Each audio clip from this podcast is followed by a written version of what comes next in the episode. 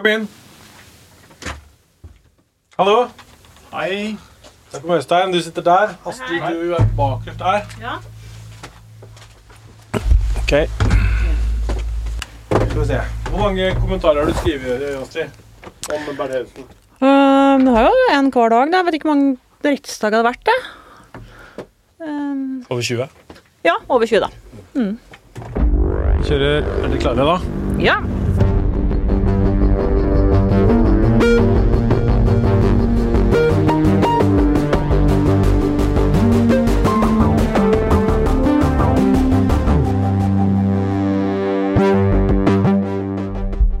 Da har vi fått inn krimkommentator Øystein Milli og kommentator i VG Astrid Mæland. Hei. Hallo. Eh, nå er rettssaken ferdig. Altså prosedyrene og alt som skal skje i selve eh, rettssalen er nå eh, over. Og det venter på en, eh, en dom, eh, eller et utfall, i Bertheussen-saken. Og så er det vel å si om denne saken her at det har overraska oss litt hvor mye trøkk det har vært, og hvor stor interesse det har vært i den saken. Eh, Astrid, du har da vært der hver dag og skrevet kommentarer. Hvorfor er det så stor interesse for den saken her? Det er jo en helt spesiell uh, sak, da. Det er jo samboeren til den tidligere justisministeren, og uh, de som skal prøve å få han dømt, da, for å si det litt enkelt, doktoratet, det er jo uh, det er de gamle folka som var ansatt hos den, som han var sjef for. Tor Mikkel Wara, altså, var justisminister. Eh, og det er jo mange karakterer her, da. Det er jo selvfølgelig Elden, stjerneadvokaten, den mest kjente forsvareren i Norge. Eh, og det er disse teaterfolka, de har jo vært i, i retten hver dag, altså Ways of Seeing-teatertroppen, og et stort pressekorps. Så her har det vært mye virrak, og ikke minst så har tiltalte sjøl sørga for en god del eh, oppmerksomhet omkring det. Hvordan da, Øystein? Jeg tror det er det mest spesielle med denne saken her. Det er eh, hvordan eh, Laila Anita Bertheussen har fremstått som tiltalt, for det er noe jeg aldri har sett noen gang før. Så offensiv og så uh, framme i skoa.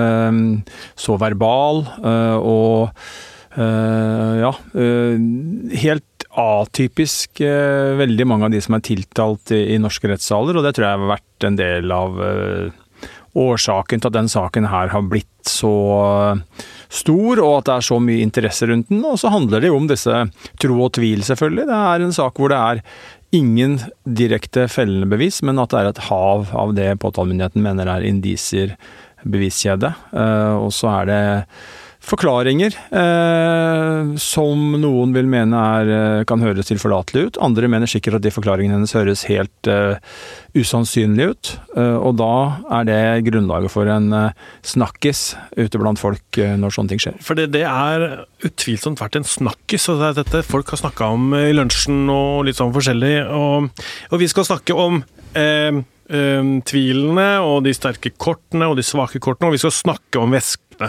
Vi skal snakke om eskene, men først skal vi Astrid, hvis du kan si noe om hva har vært høydepunktene, hvis vi kan kalle det det, da, i en, en så alvorlig rettssak som det egentlig er. Hva har vært liksom, det mest bemerkelsesverdige, sånn som du ser det? Det var helt klart, for meg i hvert fall, den dagen Laila Anita Bertheussen gikk til angrep på offeret, altså ekteparet Smines Tybring-Gjedde, eller eh, Ingvild Smines Tybring-Gjedde spesielt, som er kona til Christian Tybring-Gjedde, begge to i Frp. Hun tidligere statsråd, han stortingsrepresentant. Eh, Og Bertheussen kalte jo dem eh, persilleblad. Og eh, gås, det var noe med redde, skremte gjess eller noe sånt. Eh, og det er jo litt uvanlig i en rettssak. Det er jo altså, Alle andre rundt her sitter jo jeg, jeg ganske- synd på ekteparet, som har fått trusselbrev, og som har blitt sykmeldt og vært hjemme og ikke kunnet gå på jobben som vanlig og ikke tør å kjøre bil osv., som vi får høre om. Så mener altså da Bertheussen at de irrasjonelt, eh, er irrasjonelt skremt og redd. Og det som er veldig spesielt da, hvis vi skal følge Bertheussens logikk, er jo at disse gjerningspersonene er ikke avslørt. Ikke sant? Så hun sier jo at det, hun, hun latterliggjør de som da er redde for noen som vi ikke vet hvem er, Mm. hvis vi skal ta Bertheussen på ordet. Eh, og det kan man kanskje synes er litt spesielt. Mm. Er det andre ting? Ja, det har vært så mange ting. eh, Hmm. Altså Bistandsadvokaten til Smidenes Tybring-Gjedde Hallgrim Skard var vel kanskje en av høydepunktene. Han satt og, og var stille nesten hele rettssaken. Fikk vel 1000 kroner timen eh, for å sitte i seks-sju uker. Og når han mm. endelig skulle si noe, så sa han helt glimrende ting. Uh, han tulla f.eks. Han sa at ja, nå har jeg sittet i seks uker og notert, så nå har jeg en hel haug med spørsmål, sa han på slutten av dagen og på slutten av rettssaken, og alle bare sank sammen. Så tulla han selvfølgelig. Og det var bare to spørsmål.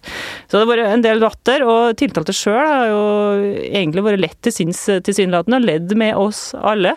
Um, Vara har vært der og ledd, og det er litt spesielt. Hvorfor er det sånn, Øystein, at man da liksom egentlig ler seg gjennom en sak? Nei, det er jo øh, Det er jo litt spesielt, men det er klart øh, Det som jo er et faktum i denne saken, er jo at ja, det er jo alvorlig i den forstand at det har fremsatt trusler. Like fullt så er det jo en sak som ikke er så alvorlig som en del andre saker vi jobber med, og en del av de andre, de fleste sakene som, som vi dekker bredt, har jo en eh, påstand om straff på langt over to år, eh, som denne har. Eh, ofte har jo noen kommet til skade. Eh, det kan være voldtekt, drap, overgrep osv., mens her er det jo Uh, ingen, ingen uh, som, har, som, har, blitt fysisk skadd. Og det, det, det, gjør nok noe om at det blir en annen sjargong i rettssalen. Og så er det jo sånn at man mener jo nå da at det er iscenesatt fra påtalemyndighetens side, fra at Bertheussen har iscenesatt dette her, og så at det er en slags som påtalemyndighetens fortelling er jo at dette er en slags sånn kamp mellom Eh, altså Bertheussen angriper da dette teaterfolka fordi at hun mener at de har eh, ja, trådt over noen grenser, ikke sant. Og så tar hun da igjen da, ved å uh, sette i gang ting som gjør at de skal komme i et dårlig lys. Uh, og det er klart, det er jo en uh, det er jo et bakteppe som, eh, som, på en måte mm, kanskje legger til rette for at det blir en del sånn Det er ressurssterke mennesker som sitter på alle sider av, eh, av eh, både som ofre og som tiltalt her, ikke sant. Og da, da tror jeg det blir tror det er litt av årsaken til at det ble som det ble. Og så er det litt sånn i en rettssak som varer så lenge, det er de samme folka som er der hver dag, ikke sant. Og du, du får en sånn egen eh, eh, hva skal vi si, stemning, da. Ja, det er jo slik at en hilser på dem og sier god helg, og på fredag er det litt lettere stemning. Det er casual friday i den saken her, akkurat som det er i arbeidslivet ellers. At eh, man blir litt mer løssluppen. Og så er det jo sånn som eh, Øystein sier, det er karakterer, altså. Det er folk som har forberedt seg. Vi har fått hørt om Laila fra Lødingen, men vi har også hørt om Ingvild fra Tveita. Det her er da Ingvild Smines Tybring-Gjedde igjen, da, som, som, var i vitneboksen og fortalte sånne, sånne, ting som tydeligvis helt tydelig er forberedt. Om de er PR-konsulenter eller hva med, det vet jeg ikke. Men hun, hun, det var jo artig at uh, Offerøy-saken, Smines Tybring-Gjedde, fortalte at uh, Faxen gikk inn at hun var, driver med fjellklatring og opplæring av kadetter på krigsskolen, og det var da et helt klart svar til uh, Bertheussen sin påstand om at hun var et persilleblad. Har ikke noe med saken å gjøre, men det er sånn kjekling og, og kniving i, i rettssaken, da. Mm. Uh, dette er jo også en sak som der man ser veldig tydelig at eh, bevis kan tolkes på forskjellige måter. Ehm, det er en eh, historie som blir lagt fram fra påtalemyndigheten, og så er det en annen historie som blir lagt fram fra Forsvarets side.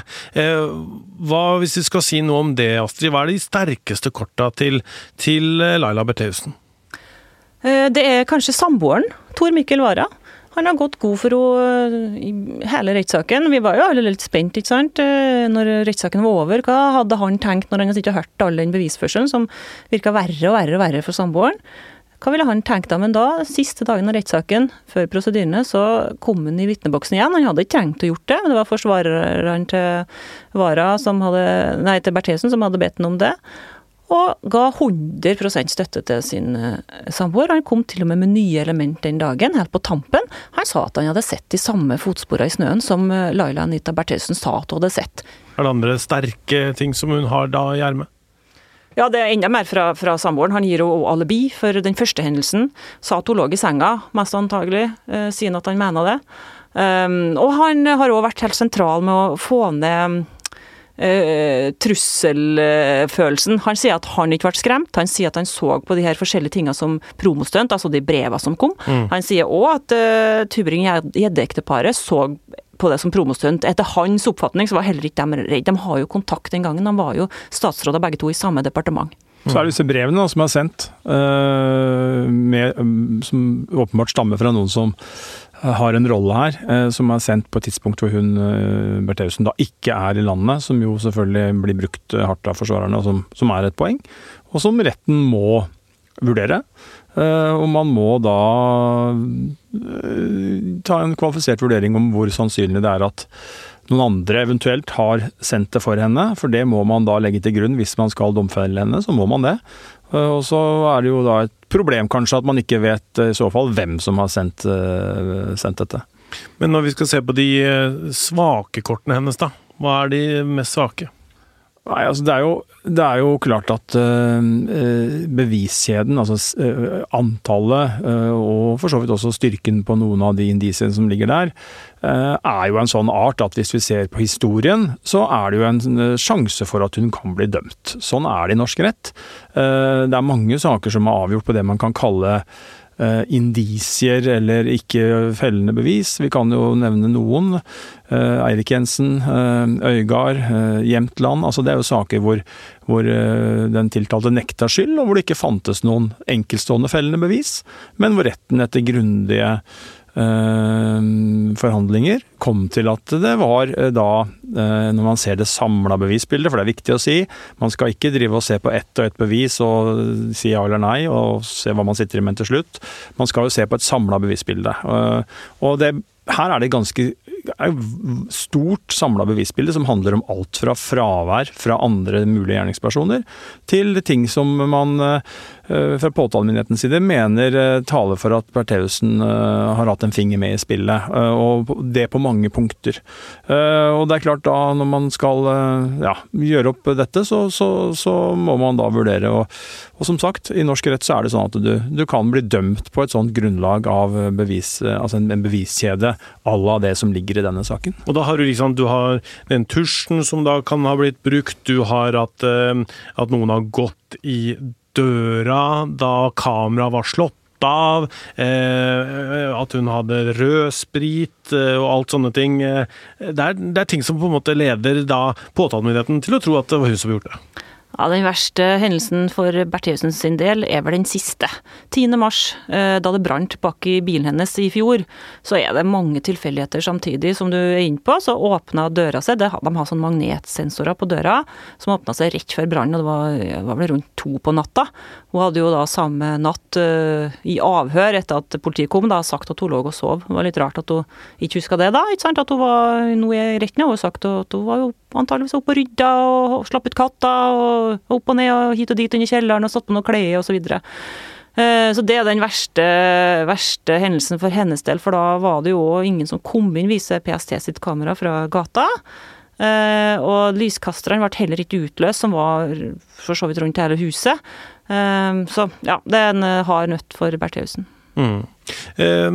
Du sa i en tidligere bonusepisode Øystein, at du kunne gjette en slags påstand om straff som kom fra påtalemyndigheten, og da sa du ja, mellom ett og tre år, sa du. Ja. Og de la ned en påstand om to år. Ganske midt imellom der, Øystein. Hva, hva tror du? Blir hun dømt? Um, ja, altså Muligheten er jo til stede, som jeg sa. og Det, det bygger jeg jo på at uh, lignende saker med lignende bevisbilde har endt med domfellelse. Uh, retten må ta stilling til om uh, hennes forklaringer er troverdige. Eh, og problemet er jo at det er ikke bare én episode med én forklaring hvor, eh, hvor på påtalemyndigheten jo nærmest ja, ikke harselerer, selvfølgelig, men er veldig tydelig på at de tror ikke noe på det hun sier. Og det kan man Eh, på generelt grunnlag så kan du kanskje komme unna med det én gang og to ganger eh, i en, en rettssak, men når det blir en serie og, og på punkt etter punkt etter punkt, så blir den samme situasjonen. Det er et bevisbilde som påtalemyndigheten i hvert fall mener er ganske tydelig, og du kommer med en forklaring som, som uh, forsvareren din selvfølgelig syns er god, men som de som, Husk på påtalemyndigheten skal jo ikke på en måte altså Den er jo i utgangspunktet objektiv, ikke sant. Mm -hmm. Så de skal jo frifinne deg hvis de mener at det er grunnlag for det. Men, men det er, det er, klart, altså. Det er det, det er en, Hver sak skal vurderes for seg, eh, og hvis retten kommer til at disse brevene har en stor betydning, og det taler klart til hennes fordel, ja da kan man jo selvfølgelig frikjenne. Så det er, eh, det er vanskelig å si. og eh, Selv om vi ser på tidligere saker, så er det andre dommere, andre tingretter og helt annen hovedforhandling har det også vært. Det, det er ingen rettssak som er lik, selv om på en måte de overordna rammene ligger fast så, så er det forskjellig. Hva tror du Astrid? Jeg la jo merke til prosedyren til forsvareren til Bertheussen eh, nå forrige uke. Siste som skjedde der i hele rettssaken. var jo oppsiktsvekkende. Han bruka 90% av tida eller noe sånt til å, å snakke ned straffen. Som brukte ikke tida til å snakke om at hun var uskyldig, sjøl om de selvfølgelig hele, hele tida sa det. at hun mm. var uskyldig, Men hvis da henvendte dommerne dere skulle finne at det er noe å dømme på, så Eh, sa de basically dømt på mildest mulig måte, og de mm. jobba hardt for å få, få, unna den paragraf 115 i straffeloven, som er den mest alvorlige, altså angrep på de høyeste statsorganer. fordi hvis hun blir dømt for det, så blir det mye strengere straff enn hvis det bare er vanlige trusler mot eh, Laila fra Lødingen, da, som eh, Laila mener at det handler om. Og så er det denne saken her som gjør at folk har eh, drevet og prata så mye om det eh, rundt omkring. Vi har fått masse spørsmål sjøl og sånt, og fordi vi jobber med det vi gjør og sånn, så bare er, hva er du, er du helt gæren, eller hva er greia med disse veskene og sånn, spør de. Hva, hva er egentlig greia med disse veskene? Det er tydelig at det er en tiltalt som vil kommunisere med oss, og har jo sagt nei til å la seg avbilde og sagt nei til intervju, men hver dag eh, så kommer hun også med veske, og noen av dem har til og med eh, forskjellige budskap på framsida og på baksida. Sånn at i første eh, bolk i retten så legger ofte den framsida fram, og sånn at det er helt klart at vi kan fotografere det uten å komme i fare for å fotografere henne. Og så kan det hende at etter pausen så kommer veska på andre sida fram. Hva er det som har stått på disse her? da? Nei, Det mest oppsiktsvekkende var jo selvsagt den eh, på slutten her nå, der det sto en sånn diagnose. Eh, eh, som altså da er diagnosen på en sånn dramatiserende personlighetsforstyrrelse.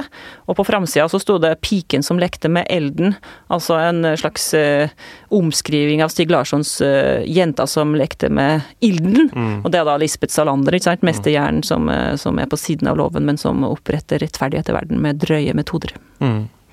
Væsken, Øystein, hva har du lagt merke til? Nei, Det er jo vanskelig å øh, komme utenom det som Astrid nevnte, men så er det jo det er jo en del av de fascinerende ved den rettssaken her, da, at det kommer en tiltalt som har med seg vesker med budskap, øh, om ikke hver dag, så veldig mange dager. Det er jo, det er noe vi aldri har sett før. Øh, så det, det Og jeg syns jo noen av de var var morsomme. Jeg la merke til den hvor hun hadde haka på forskjellige sånne ja-nei om det var tekniske bevis, nei. Eh, og det var ja da på ting som talte til hennes fordel. Så det, det Ja, det, det, har vært en rettssak som har vært helt utenom det vanlige, altså. Det, det kommer til å ta lang tid før vi får eh, noe som ligner på dette, tror jeg. Ok, takk skal du ha, Astrid og Øystein, eh, kommentatorer i VG. Eh, følg Krimpodden eh, videre på Facebook, vi har en gruppe der, og du kan maile oss på krimpodden at vg.no. Torsdag så kommer det en, en ny episode av Krimpodden, og da skal vi til Lørenskog. Og vi skal spille av spaningsopptak som vi ikke har publisert før. Det er opptak fra da ingen visste at Anne-Elisabeth Hagen var borte.